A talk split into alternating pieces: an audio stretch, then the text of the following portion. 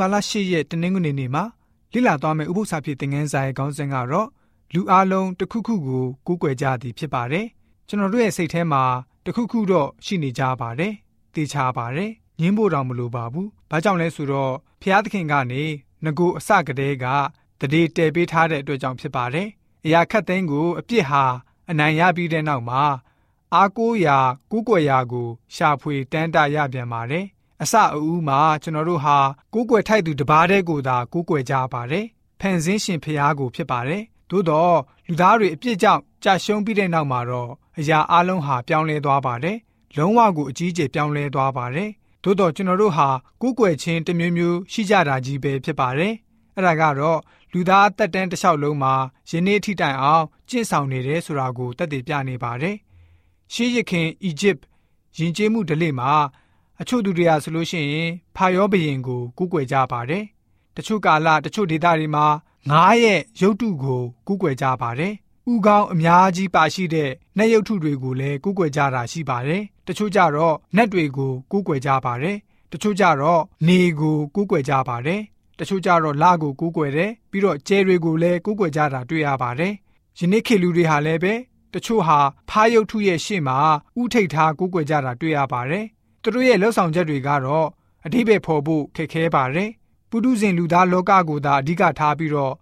ဘယ်ရာကိုမှမကိုးကွယ်လူသားအဓိကဆိုတဲ့လူကိုယ်သာအလေးထားကြတဲ့အရာလည်းပဲရှိတာတွေ့ရပါတယ်။သူတို့တွေရဲ့စိတ်ထဲမှာပိုက်ဆံအာနာလိန်ကိုကိုကိုအားကိုကိုးကွယ်တာပြီးတော့ရောဂါတချင်းဆိုတဲ့သူတွေကိုကိုးကွယ်တာမင်းသမီးမင်းသားတွေကိုကိုးကွယ်တာနိုင်ငံရေးသမားတွေကိုစသဖြင့်တယောက်တစ်မျိုးစီအားထားကိုးကွယ်ယုံကြည်ကြတာကိုတွေ့ရပါတယ် ကျွန်တော်တို့အချစ်အနှစ်သက်ဆုံးအရာဖြစ်နေပါစေဆွဲလန်းနေတဲ့အရာဖြစ်နေပါစေဘယ်အရာအတွက်ကျွန်တော်တို့အသက်ရှင်နေပါစေကျွန်တော်တို့ရဲ့ကိုးကွယ်ရာဖြစ်လာကြပါတယ်အဆုံးမှာလောကရဲ့အမြင်ကိုမြင်တွေ့ရေးသားတဲ့စာရေးဆရာကြီး David Foster Wallace သူ့ရဲ့သတိပေးချက်မှာဆိုလို့ရှိရင်သင်ဟာမှားယွင်းတဲ့ကိုးကွယ်မှုကိုပြုမိမယ်ဆိုရင်သင်ကိုအရှင်လက်လက်ဝါမျိုးစားတောက်လိုက်မယ်ဆိုပြီးတော့ပြောခဲ့တာတွေ့ရပါတယ်။ဒိန်လနဂတိကျန်ခန်းကြီး3ကိုကြည့်လိုက်တဲ့အခါမှာ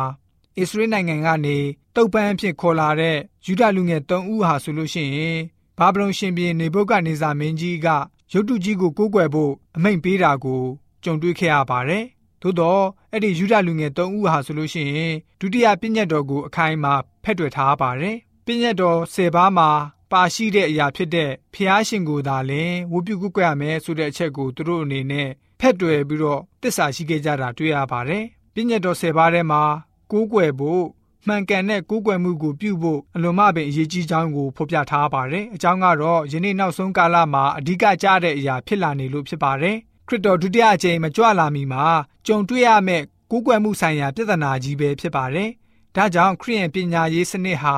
ကိုးကွယ်ခြင်းဆိုင်ရာပု္ပ္ပာကဏ္ဍတွေကိုထည့်သွင်းသင်ကြားဖို့အထူးလိုအပ်တယ်ဆိုတာကိုတွေ့ရှိရပါတယ်။ဓာတ်ကြံခန်းကြီး14ငွေ6ကနေ7ကိုဖတ်ပါမယ်။ခရစ်တော်မကြွလာမီအချိန်မှာ ကိုးကွယ်မှုနဲ့ပတ်သက်တဲ့ပြိပခဖြစ်ခြင်းအရာကဘယ်အရာလဲဆိုတာကိုကြည့်ကြပါစို့မြေကြီးပေါ်မှာနေသောသူဒီဟုသောအတီးတီးဘာသာစကားကိုပြောသောလူအမျိုးနွယ်ခတ်သိန်းတို့အားသာရဧဝံဂေလိတရားကိုဟောရသောကောင်းကင်တမန်တစ်ပါးက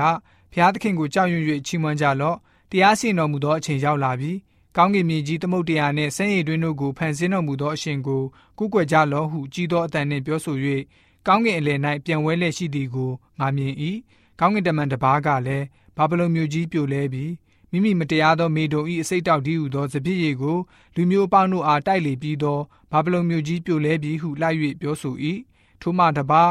တတိယကောင်းကင်တမန်ကအချင်းသူသည်တာရဲနှင့်သူ၏ရုပ်တုကိုကိုးကွယ်၍သူ၏တစိမ့်လက်မှတ်ကိုနဖူး၌ခံသည်ဖြစ်စေလက်၌ခံသည်ဖြစ်စေထိုသူသည်ဖျားသခင်၏ဒေါသဖလား၌လောင်းသောအမျက်တော်စပြည့်ရည်စစ်ကိုတောက်ရလိမ့်မည်တန်ရှင်သောကောင်းကင်တမန်တို့ရှိတိုးတငယ်ရှိတွင်ကန့်နှင့်ရောသောမိထဲမှပြင်းစွာသောနှင်းဆဲခြင်းကိုခံရလိမ့်မည် ထိုညှင်းဆဲခြင်းဤမိကိုသည်ကဘာအဆက်ဆက်တက်လက်ရှိ၏တာရဲနှင့်သူ၏ရုပ်တုကိုကိုးကွယ်၍သူ၏နာမတစိ့လက်မှတ်ကိုခံသောသူတို့သည်နေညမပြတ်တက်တာမရကြဟုလိုက်၍ကြီးသောအတန်နှင့်ပြောဆို၏ဖျားသခင်၏ပြည့်ညတ်တို့ကို၎င်းယေရှု၏ယုံကြည်ခြင်းကို၎င်းစောင့်ရှောက်သောတန်ရှင်းသူတို့သည်ဤအရာ၌သိခံစရာအကြောင်းရှိ၏ဆိုပြီးတော့ဖော်ပြထားတာတွေ့ရပါတယ်ဒီတို့ကြောင့်ကျွန်တော်တို့နောက်ဆုံးအချိန်ကာလမှာဆိုလို့ရှိရင်တော့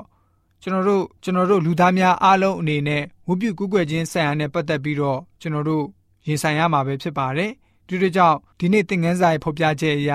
စัจ java ရာကြီးတစ်ခုလုံးကိုဖန်ဆင်းတော်မူသောထာဝရဘုရားရှင်ကိုသာလျှင်ကိုးကွယ်ဝတ်ပြုတဲ့သူတွေဖြစ်ဖို့ပြီးတဲ့အခါမှာအဆုံးထိတိုင်ဘုရားရှင်ပေါ်မှာတစ္ဆာရှိတဲ့ယုံကြည်သူတွေဖြစ်စေဖို့အတွက်တနင်္ဂနွေနေ့ဥပုသ္စာဖြစ်တဲ့ငန်းစာကဖော်ပြထားပါတယ်။